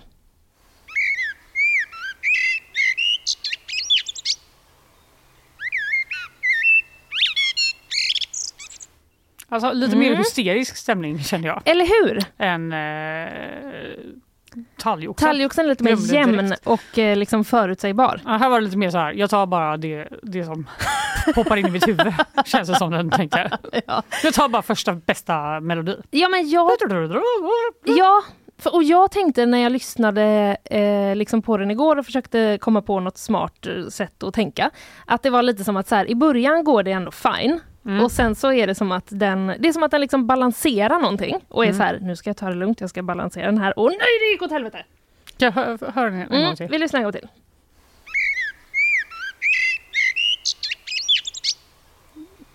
Det är liksom... Det känns lite typiskt mig att jag ska börja recensera den här fågelns läte nu, Ja. men det blev lite falskt. Mot slutet. det blev lite, Ja. sk- Men det var, det var bara just den här koltrasten. Men Mm. den är liksom, eh, jag vet inte, det är som att den tar fart på något sätt och sen mot slutet så är den bara så, jag gör bara nu. Mm. Något sånt. Det uppskattar jag. Mm, den är inte lika enkel att liksom skaffa sig en minnesregel som eh, talgoxen, men jag tror att man bara måste lyssna på den många gånger. Men jag kommer göra det nu. Ja, och försöka liksom eh, höra den eh, också I naturen. i verkligheten. Precis. I naturen i Vasastan. Eh, I naturen i Vasastan, eller då så kan ni alla fågelskådare åka ut till Majerna, där vi i alla fall vet att ett exemplar var igår kväll. Eh, jag slänger upp bild på Instagram efter sändning och eh, så är det bara att gå in där och eh, lyssna och öva. Vi ses eh, allihopa på fågelkurs nästa vecka. Ja, det gör vi verkligen. I år var det tredje året i rad som mannen bakom Lollipopfestivalen, Håkan Waxegård, arrangerade trandansen vid Hornborgasjön. Bofinken är perfekt. Breaking Bird News. Verkligen! Från Tydlig- Emelie Hagbars mamma. Ja, tydligen så hörs koltrastarna mycket bättre inne i stan än på landet. Det är jätte... De sjunger mer här av någon anledning. De kanske måste överrösta alla spårvagnar och sånt. De bara högre! Ja. Ännu högre! Ah! I skogen bara, äh, skit i det här. Det är redan lugnt och Behöver skönt. inte sjunga. Ja, nej men eh, mysigt. Vi, vi, ska vi ha en liten nyhet till innan vi släpper in Robert Laul? Ja men det kan vi väl ta. Vi, vi tar den i sportens Nej men tecken. sluta Emily. Vad är det nu? Nu skriver hon att hon vaknade fan av en koltrast idag. Nej, Nu, nu känns det som att du bara försöker Ja, sälja in Majorna var till två som hatar Majorna. Ja, Okej, hon säger att hon öppnar fönstret. Ja, vi kan ju inte veta om det här är sant eller Nej, inte. det kan vi inte. inte för att du har jättestor anledning att ljuga, men skitsamma. Eh, ska vi lämna det här nu? Ja, Vi ska prata om eh, en svinstörig kille kul! som heter Ben Stewart. Ben Stewart. Han är britt och han är den första någonsin att klättra upp och ner för Kilimanjaro baklänges. Ta en eh, jingel tack och så går vi vidare. Nej, okej han men vad vad störigt. Vet du vad han påminner mig om de här eh, karaktärerna i Hipp Hipp som var så här. Jag har klättrat med en eh, Konsumkasse upp och ner i en kundvagn. Kommer du ihåg dem eller? Nej. De här äventyrarna som låg i något tält och skulle bräcka varandras historier. Ja, Exakt så känns det Ja. ju. Eh, Det är BBC som rapporterar då att den här 32-åriga mannen backade till toppen av berget i Tanzania och tillbaka för att samla in pengar till eh, hjärtforskning. Så det var ju ändå fint. Aha. Och också hylla sin farfar som dog i en hjärtinfarkt 2010. Vad Okej, det har med men- något att göra har jag ingen aning men eh, det var så i alla fall. Då skulle jag vilja ta tillbaka lite av min dryghet. Ja fast jag menar, måste man verkligen gå upp? Är det det som krävs för att samla in pengar till hjärtforskning? Vet du, eh, Jag hade väl jag- gett honom pengar om han gick rakt fram Fast jag tror inte att du hade det, för du hade, då hade vi aldrig pratat om den här nyheten. Om han hade gått rakt upp och ner för berget. Nej, men det är väl ja, skitsamma. Han hade med sig ett team som vägledde honom upp för berget då. eftersom han inte såg Backa något. lite till, backa lite Så till. jävla störigt jobb. Nej, det är en sten där. En buske till vänster. Nej. Eh, men det var väl bra att han hade det. Ja, det var det. Och inför vandringen så tränade han bland annat styrka i nacken för att klara av långa perioder av att behöva se sig över axeln. Åh, ja, vad jobbigt. När han kom hem efter vandringen så sa han att det var det svåraste han gjort i hela sitt liv. Men vänta, förlåt nu. Han, ja, han backade, han gick baklänges. Jag vet inte varför, men jag fick för mig att han kröp baklänges. Hela vägen upp. Hur kröp baklänges? Nej, men på alla fyra. Det var därför jag tänkte, då måste han ju verkligen ha haft någon som sa åt honom vad grej var. Det är jättesvårt att titta sig över axeln när man kryper baklänges. Det är Alltså, nästan omöjligt att krypa baklänges. Otroligt sjukt. Ja. Men det här är också ganska sjukt för det är ganska jobbigt att gå baklänges och det, Det är är det. ganska jobbigt att bestiga Kilimanjaro. Om jag hade varit honom så hade jag skitit i att träna nacken och istället bara köpt en spegel. Ja, men jag vet inte, det kanske är fusk då. Ja. Fast Enligt de här varför- väldigt tydliga reglerna som finns när man backar upp för Kilimanjaro. De bara, det går bra att ha ett helt team med sig men Exakt. inte en spegel. Eh, när han kom hem så eh, visade det sig att han hade lyckats samla in eh, motsvarande 180 000 kronor. Svenska kronor. Mhm. Mm. Så det var ju bra och eh, det verkar inte som att det då är... Alltså han var inte först med att komma på den här helt värdelösa idén. Nej. Utan eh, två personer har tidigare gått baklänges uppför det 5 895 eh, meter höga berget. Jag visste att han skulle ha krypit baklänges istället. Ja men vet du vad? De gick inte ner. De gick inte ner! De gick bara upp. Mm, snyggt. Så han vann ändå någon slags eh, konstig eh, tävling. Mycket snyggt. Grattis. Bra, bra jobbat. Du, vi kollar om Robert Laula här nu. Ja, det gör vi.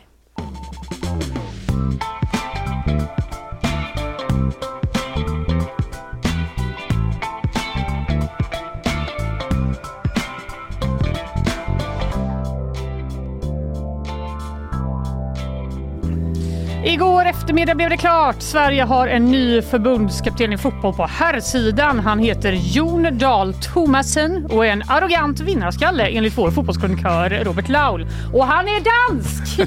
Va?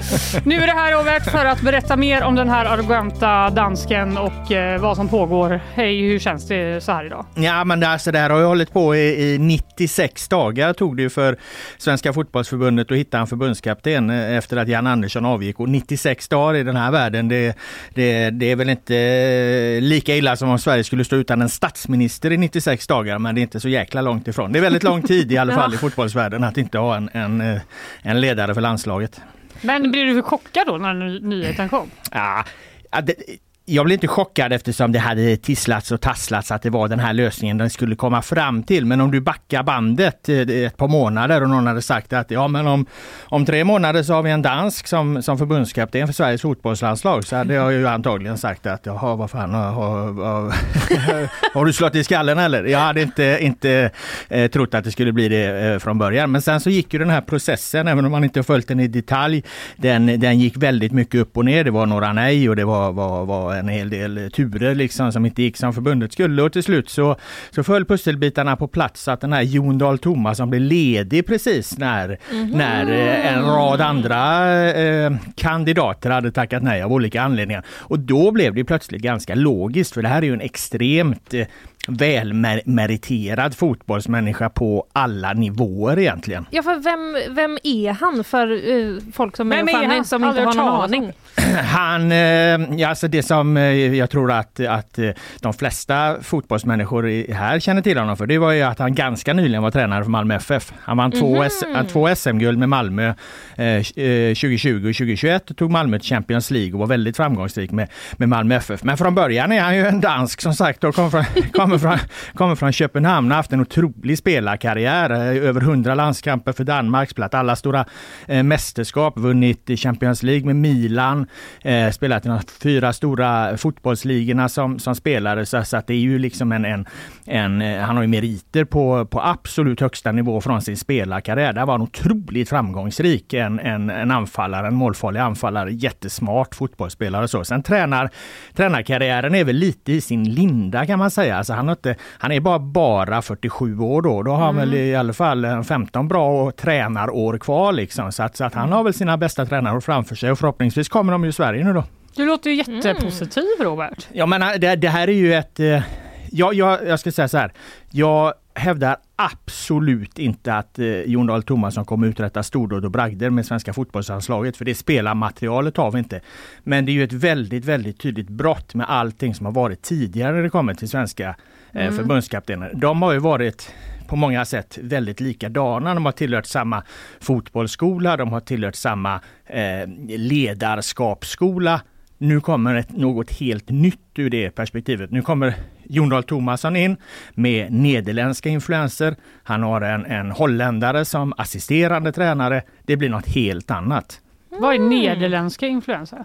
Det är, what's that? Hur, hur djupt ska vi gå in på det? Nej, men det är, det är ett, det är ett eh, man kan väl säga så här att det är ett speciellt eh, eh, sorts eh, spelsystem, en spelformation helt enkelt. Man spelar alltså enligt 4-3-3, fyra backar, tre mittfältare, tre anfallare och så målvakt givetvis då istället för det här traditionellt svensk-brittiska 4-4-2 som, som eh, har varit eh, spelmodellen som, som svenska förbundskaptener alltid använt sig av. Så att eh, Mhm. rent fotbollsmässigt Ah. blir, det, blir det nytt och eh, det är liksom den, den nederländska fotbollsskolan som Jon Dahl Tomasson och hans vapendragare eh, Remy Reiners kommer föra in här. Nu känner jag genast att det ska bli väldigt spännande att se hur den här Ja, alltså, stora förändringen då i en gubbe som byter plats på plan, att det kan ändå... Ja, men det är, var väl för att ni bara ville gå lite semi-djupt Ja, in på det, det. det. Jag Jo, kan men det hålla på en halvtimme till och förklara Det de, var bra, det var bra. de Nej, men- exakta skillnaderna mellan 4-3-3 och 4-4-2. Men då tror jag tyvärr att era lyssnare stänger av här. Jag menade det också, det bara råkade låta eh, ironiskt på något sätt.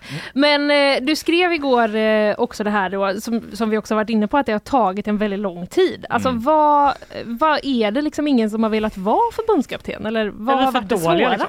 Ja, alltså någonstans ligger det väldigt mycket i det, Ja. det ni säger såklart. Alltså Sverige är inne i sin sämsta landslagsperiod på herrsidan sedan 1980-talet. Missat två raka mästerskap, ramlat ner i då det som heter Nations Leagues C-division där man ska spela med massa liksom lågt rankade lag och Sverige är ju på herrsidan tyvärr eh, ett av dem då, så det har varit svårt för förbundet att få någon att, att, att hoppa på det här helt enkelt. Och jag tror att det kan väl kanske vara en fördel då att, att Jon Dahl Tomasson är just dansk ur det perspektivet, för det är nog lättare att tacka ja för honom för att även om han skulle misslyckas med det här uppdraget och inte få med sig resultaten så är det inte på de här gatorna i Sverige han Mm. behöver gå och höra det resten av sitt liv. Han åker vidare i fotbollskarriären. Han bor Mm. till exempel i, han ska inte ens bo i Sverige, han bor i, i Nederländerna.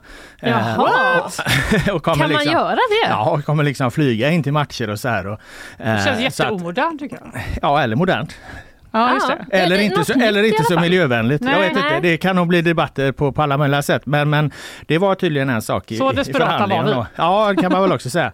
Nej, jag tror inte det spelar så stor roll. Som förbundskapten så handlar det mycket om att åka runt och titta på spelare och landslagsspelarna finns ju ute i ligor i, runt om i Europa. Så, så att oavsett var fan du bor någonstans så måste du ändå hålla på att åka runt. Så att Ah, eh, så ja, ja. jäkla stor roll spelar det inte.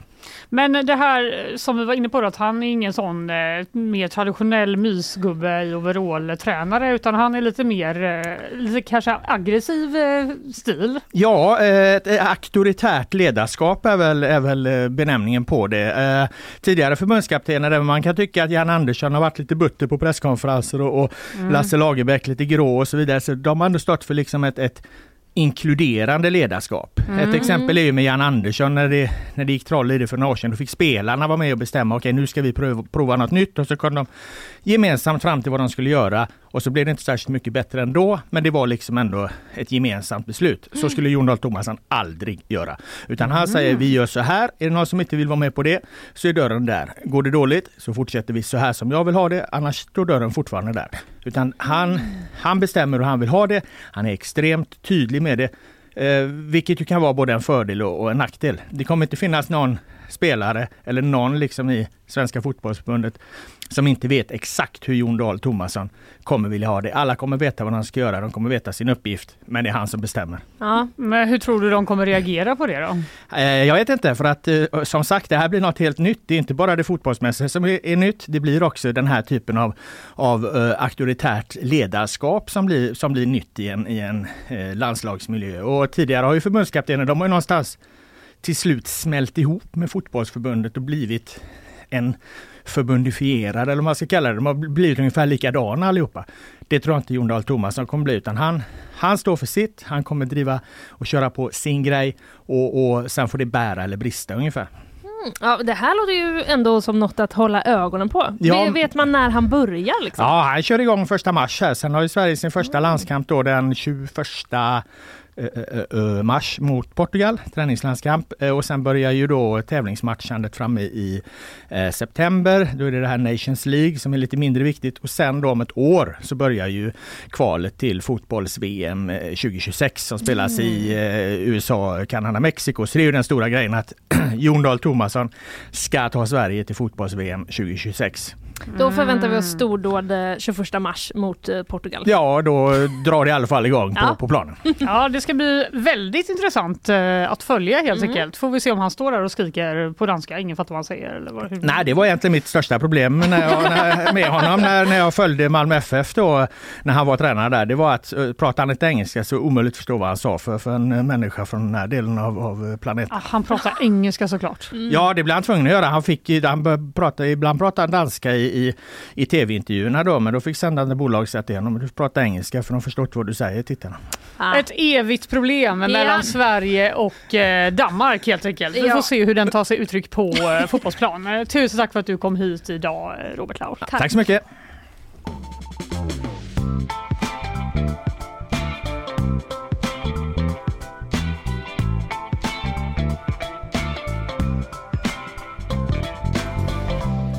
Ja, hej! Här är vi. Helt eh, blå, bortblåsta av eh, Robert Laul. Precis. Bortblåsta av stolen. Ja, och jag kan känna att det är välkommet Ja, det för, för dig och mig också som inte är eh, jättefotbollsintresserade att liksom det händer någonting i landslaget. Ja, Man blir alltså jag vill typ kolla på den här matchen. Det har aldrig hänt innan. Nej. kommer inte göra det, men jag säger, säger bara nu att jag känner Eller att jag hur? skulle kunna tänka mig att göra det. Ja. Någonting annat som vi också kan eh, gå igång på, höll jag på att säga, det är sjukhuskläder. Ja. Det har kommit en ny byxa som är dansk och lite rivig. Nej, jag En arrogant byxa. ja, Det känns ju i och för sig som många byxor det. verkligen, Alltså- men inte de som jag har på mig. Nej.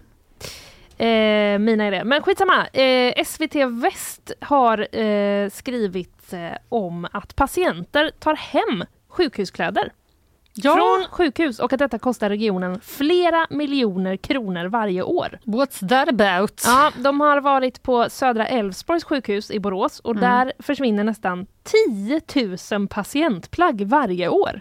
Alltså det är helt sjukt. Men det är liksom, eh, ja, nu kan inte jag räkna eftersom jag aldrig kan det här inne, men eh, vad kan det bli om dagen? Alltså det måste ju, är det 3000 om dagen då? Nej, nej snälla någon. Jag tycker bara ignorera det nu. Varför gör jag så här? Varför gör Du säger också bara, jag kan inte det här.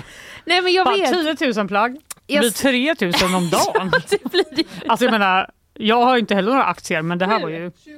27 plagg om Det dagen. är ju ändå skitmycket. Det är jättemycket faktiskt. Alltså, för att jag tänker ändå att de flesta inte vill ha med sig någon gammal så uh, morgonrock. Typ. nej, nej precis. Med knästrumpa.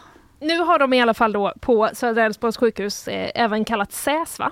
Eh, eh, nu har de liksom eh, börjat med någon slags kampanj för att Mhm. försöka minska det här eh, svinnet. Och det är då att man ska upplysa patienterna om hur, men också varför man ska lämna tillbaka alla sjukhusets kläder. Mm, Ja, men det säger väl sig själv. Eller hur? Man lämnar väl dem där på sängen? Eh, ja, man kan göra det, men eh, Elisabeth Broman som SVT har träffat, som är undersköterska och jobbar på kirurgavdelningen, hon eh, berättar att så här, det händer en titt som tätt ändå att eh, man kommer in till sjukhus och då har man inte så mycket kläder med sig. Nej. Kanske också om man kommer in du vet, lite akut. Ja, nej, fair enough. Eh, så då kan det bli så ibland att eh, man måste åka hem i sjukhuskläder.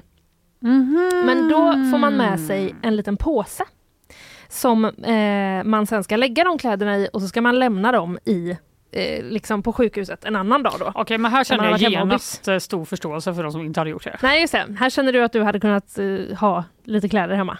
Ja, det känner jag nog. Ja. Jag säger det bara nu. Ja, ja visst, herregud. Alltså, men det är jag tänkte mänskligt. att det var mer en aktiv stöld. Ja, just det. Att eh, man var så bara, nu ska jag gå. En, mer en aktiv stöld än en försenad tillbakalämning som Ja. bara försenas hela tiden. Exakt. Ja. För, och sen blir det för pinsamt att bara göra det. Just det, men jag tror att man kan göra, alltså, som jag fattar det så kan man göra det ganska anonymt. Mhm. Man bara lägger kläderna i den här påsen och så finns det i... Eh, man kan lämna tillbaka dem på närmsta vårdcentral eller i sjukhusets entré. Okej. Och det är ingen där som vet hur länge du har haft dem om du går till en vårdcentral till exempel. Nej, alltså jag säger verkligen inte att man inte ska göra det. Nej, nej. Jag bara fick lite mer förståelse Ja. än att det bara var så, jag tar alla de här kläderna med mig Rakt hem. av stöld. Från sjukhuset. Ja. Eh, det är i alla fall patientkläder eh, bara från SÄS då för eh, motsvarande en kostnad på 295 000 kronor varje år som försvinner. Ja, det är Alltså mycket. nästan 300 000 kronor. Eh, och det är heller inte ovanligt då att det är brist på vissa typer av eh, kläder.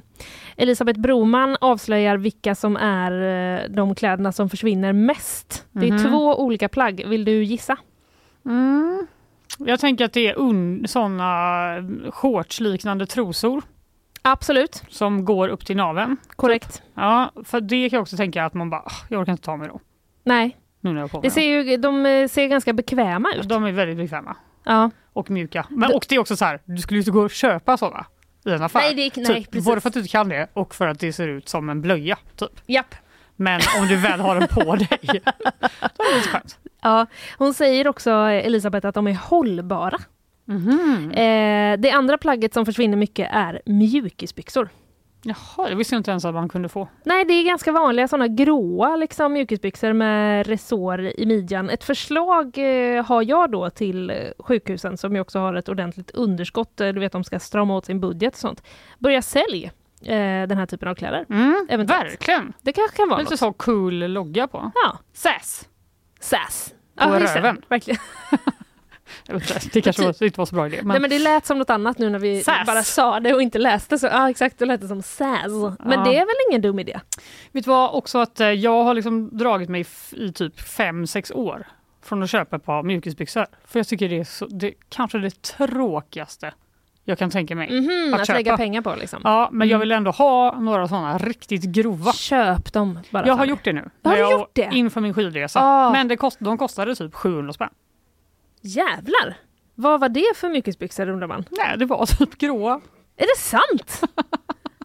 Men de är så, jag ville ha ett par med riktigt tjockt tyg som inte blir nopprigt och, eh, och eh, sladdrigt. Nej, just det. Så nu kan jag ändå gå och köpa mjölk i dem utan att skämmas. Är det, känns mer som är det sant verkligen? Ja, det är helt sant. Ja, visa mig en bild sen. Ja, jag ska visa dig. Vi lägger ut den på Instagram. Nej.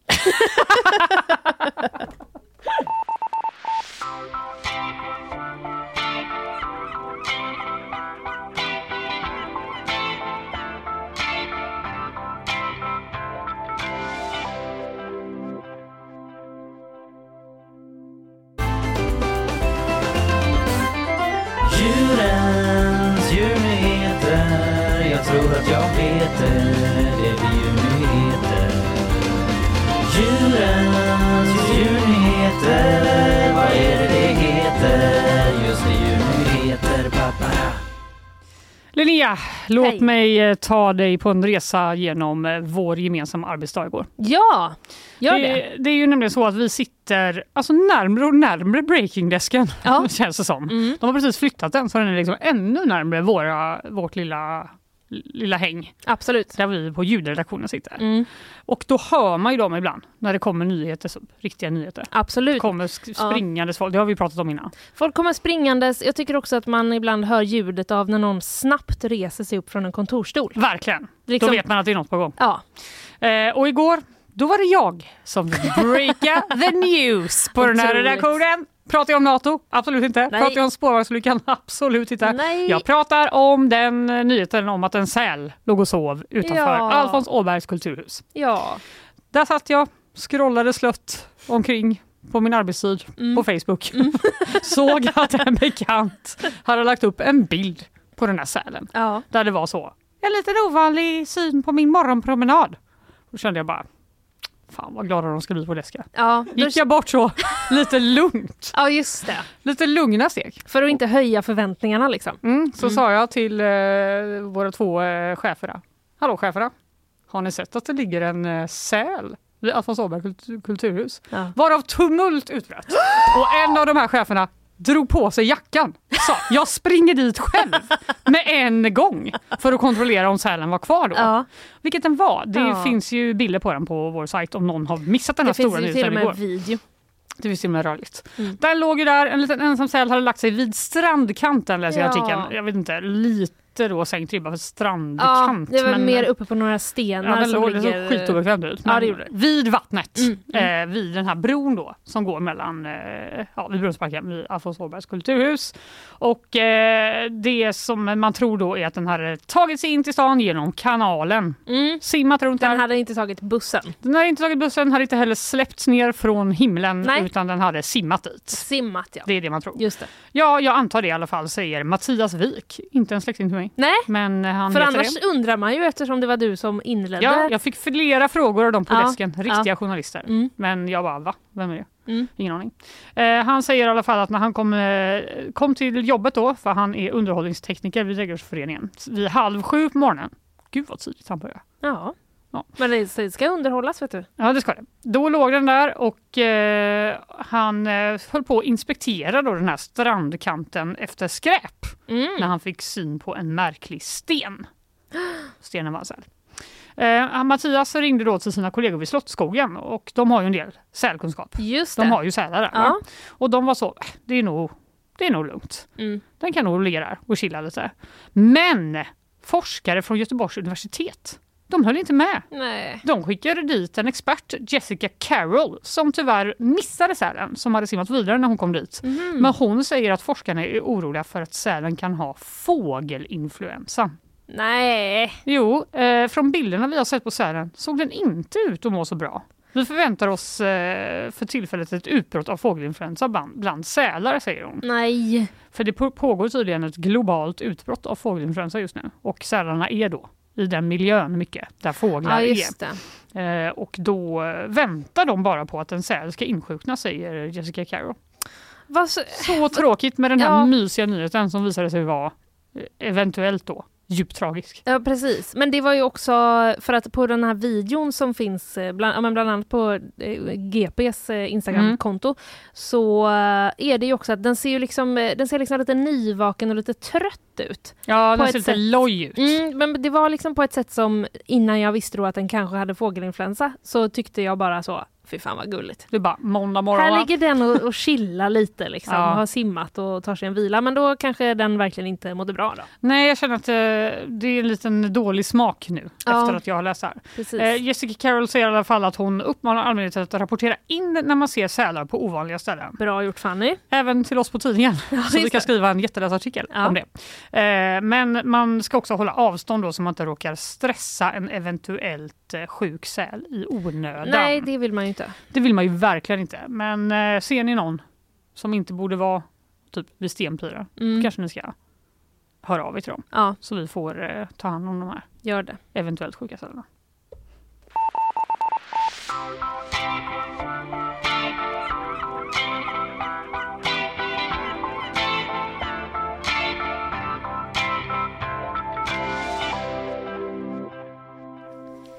Vi ska prata om Västtrafik nu. Eh, underbart. Mm, jag är för andra gången den här morgonen inne på SVT Nyheter Väst. Wow, Mm, bra jobbat SVT. verkligen. Eh. Förutom när ni glömde Micka. Uh, Ulf Kristersson. Just det, precis. ja, Man kan inte göra allt. Nej, bra. det kan man inte. Eh, och de har då i alla fall skrivit en eh, liten artikel här om att eh, det har blivit ökade bilje- biljettintäkter efter införandet av civila kontrollanter. Vilken skräll! Vilken skräll! Eller som P4 eh, skrev i rubriken Rusning efter biljetter när kontrollanterna blev civila. Ja, det var ett roligt eh, sätt att använda det ordet på. Ja, exakt. Det brukar vara så. Rusning till Håkan Hellström Ja, exakt, konsertbiljetter. Alla Ja. var inne på hemsidan och bara klick, klick, uppdatera, uppdatera, uppdatera. Ja, exakt. Fick jag min Västtrafikbiljett eller inte? Ja, men jag har ju blivit kontrollerad av de civila kontrollanterna. Ja, du blev Mm. det förra veckan va? Ja, och också av typ alla vanliga kontrollanter, för det Ja. är kontrollanter överallt. Mycket Så det kontrollanter. kanske är därför. Eh, Bara att man inte omöjligen kan åka någon spårvagn just nu utan att bli kontrollerad. Ja, typ. det är faktiskt, eh, jag har också sett dem mycket mer än vad eh, jag eh, brukar. Mm. I alla fall så skriver SVT att antalet köpta biljetter har ökat med runt 20 procent jämfört Mm. med samma vecka förra året. Det är ändå en siffra. Det är ändå en siffra. Ja, det tycker jag. Och intäkterna av de här biljetterna har ökat då med nä- nästan 50 procent. Oj! Ja, så jag vet inte de, om de har höjt priserna eller hur det går Det har de väl? Men eh, jo, men det har de ju faktiskt. Mm, Ja. det har vi men, pratat om. Eh, antalet köpta biljetter har i alla fall då ökat med eh, 20 procent. Mission accomplished för Västtrafik då. Ja, men Västtrafik är eh, lite liksom försiktiga. De vill inte liksom slå fast eh, så här att eh, det är våra civila kontrollanter som gör att det är många fler, som, eh, många fler biljetter som köps. Nej. Utan eh, Västtrafik skriver i en kommentar då till eh, SVT att eh, det kan som sagt vara väder, kalendereffekter, att vi har gått ut med att vi ska göra fler kontroller eller egentligen lite vad som helst. Skriver Västtrafik. Ändå ödmjuk på något sätt. Det skulle kunna vara att det nu har blivit klart med en ny eh, förbundskapten. Just det. Eh, det skulle kunna vara De är rädda att det ska komma en dansk skrikare om i ansiktet. Det kan vara att Ungern röstade ja, det kan vara att många, ja, jag Det vet är inte. billigare med grönsaker som man har mer pengar över. Det kan vara att Melodifestivalen har börjat. Ja, Det vem kan vet vara vad som alltså. helst. Vem, ja, du vet vad det kan vara? Att det har varit så jävla dåligt väder. Det för kan det vara. För mig personligen är det ju det. Ja, just det. Jag brukar ju gå. Men nu Ja. har jag bara känt så här. Nej, jag är värd bättre än så här. Det är du. Jag är värd att åka spårvagn. Ja. Ja, ja, men eh, grattis Västtrafik, antar jag. Eh, ja, pengar är väl gött för alla företag. Pengar vill man ha. Det vill man. Mm. Du, du skiter i det här nu. Pengar vill man ha, men det var allt för oss eh, idag ju. Jag pratade i början av programmet om spårvagnsolyckan i Gamlestan igår. Där trafiken, jag vet inte, inte gick nu på morgonen, men nu har jag inte... Jo! Vagnarna rullar igen! Efter spårvagnsolyckan Ah. läser jag på gp.se vid åtta tiden så kunde spårvagnarna börja rulla igen mellan Angered och Gamlestan. Bara så ni vet där, ute om ni är på väg någonstans. Eh, jag pratade också om att det var ett långvarigt strömavbrott i Karlatornet som fick grannarna att börja chitterchatta. Just det. Det var inga problem. Och de lät liksom helt eh, osannolikt nöjda och glada. det var nästan. typ det bästa som hade hänt dem. Ja, att det blev strömavbrott. Ja. Vad pratade du om? Jag berättade ju då att Ungern sa ja. De har ratificerat vår eh, NATO-ansökan. Nu ska bara presidenten skriva under och sen så är det ungefär sju olika byråkratiska steg innan flaggan kan hissas och vi får vara med på mötena. Ja, så är det. Men eh, det är på gång i alla fall. Det är på gång. Eh, vi hade två gäster idag. Ja. Det var ju Pontus Stocktrader Olausson som lärde oss eh, lite matnyttigt om hur man ska göra om man vill hålla på med aktier. Något han gör sedan åtta år tillbaka som eh, jobb. Mm. Det är hans jobb helt enkelt. Eh, vi hade också Robert Laul här som pratade om eh, vår nya förbundskapten, danska Jon Dahl Tomasson som kommer och skriker med sin arroganta ledarskapsstil på vårt herrlag. Auktoritära. Ja, just det. jag vet inte, men han kanske är, jag vet inte om han är arrogant. Ja, men eh, jag, jag har sett ordet nämnas Ah, i okej. samband Ah. med hans namn. Mm. Men vad vet jag? Nej, jag har ska träffat inte honom. heller vara den som eh, är den. Men det ska Nej. bli spännande att se. Det ska bli spännande att se. Två eh, människor som inte är så intresserade av fotboll blev intresserade. Ja. Bra jobbat Mm. eh, av Robert Laul. Eh, researcher idag var Carl Jansson, producent var Emily Hagbard, nyhetssvepare var Isabella Persson och så var det du Linnea Rönnqvist. Och du Fannevik. Ja, det var allt för oss. Det var det. Hej då! Hej!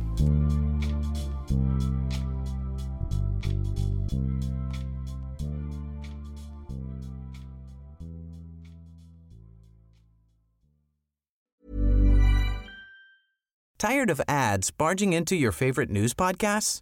Good news. Ad-free listening is available on Amazon Music for all the music plus top podcasts included with your Prime membership.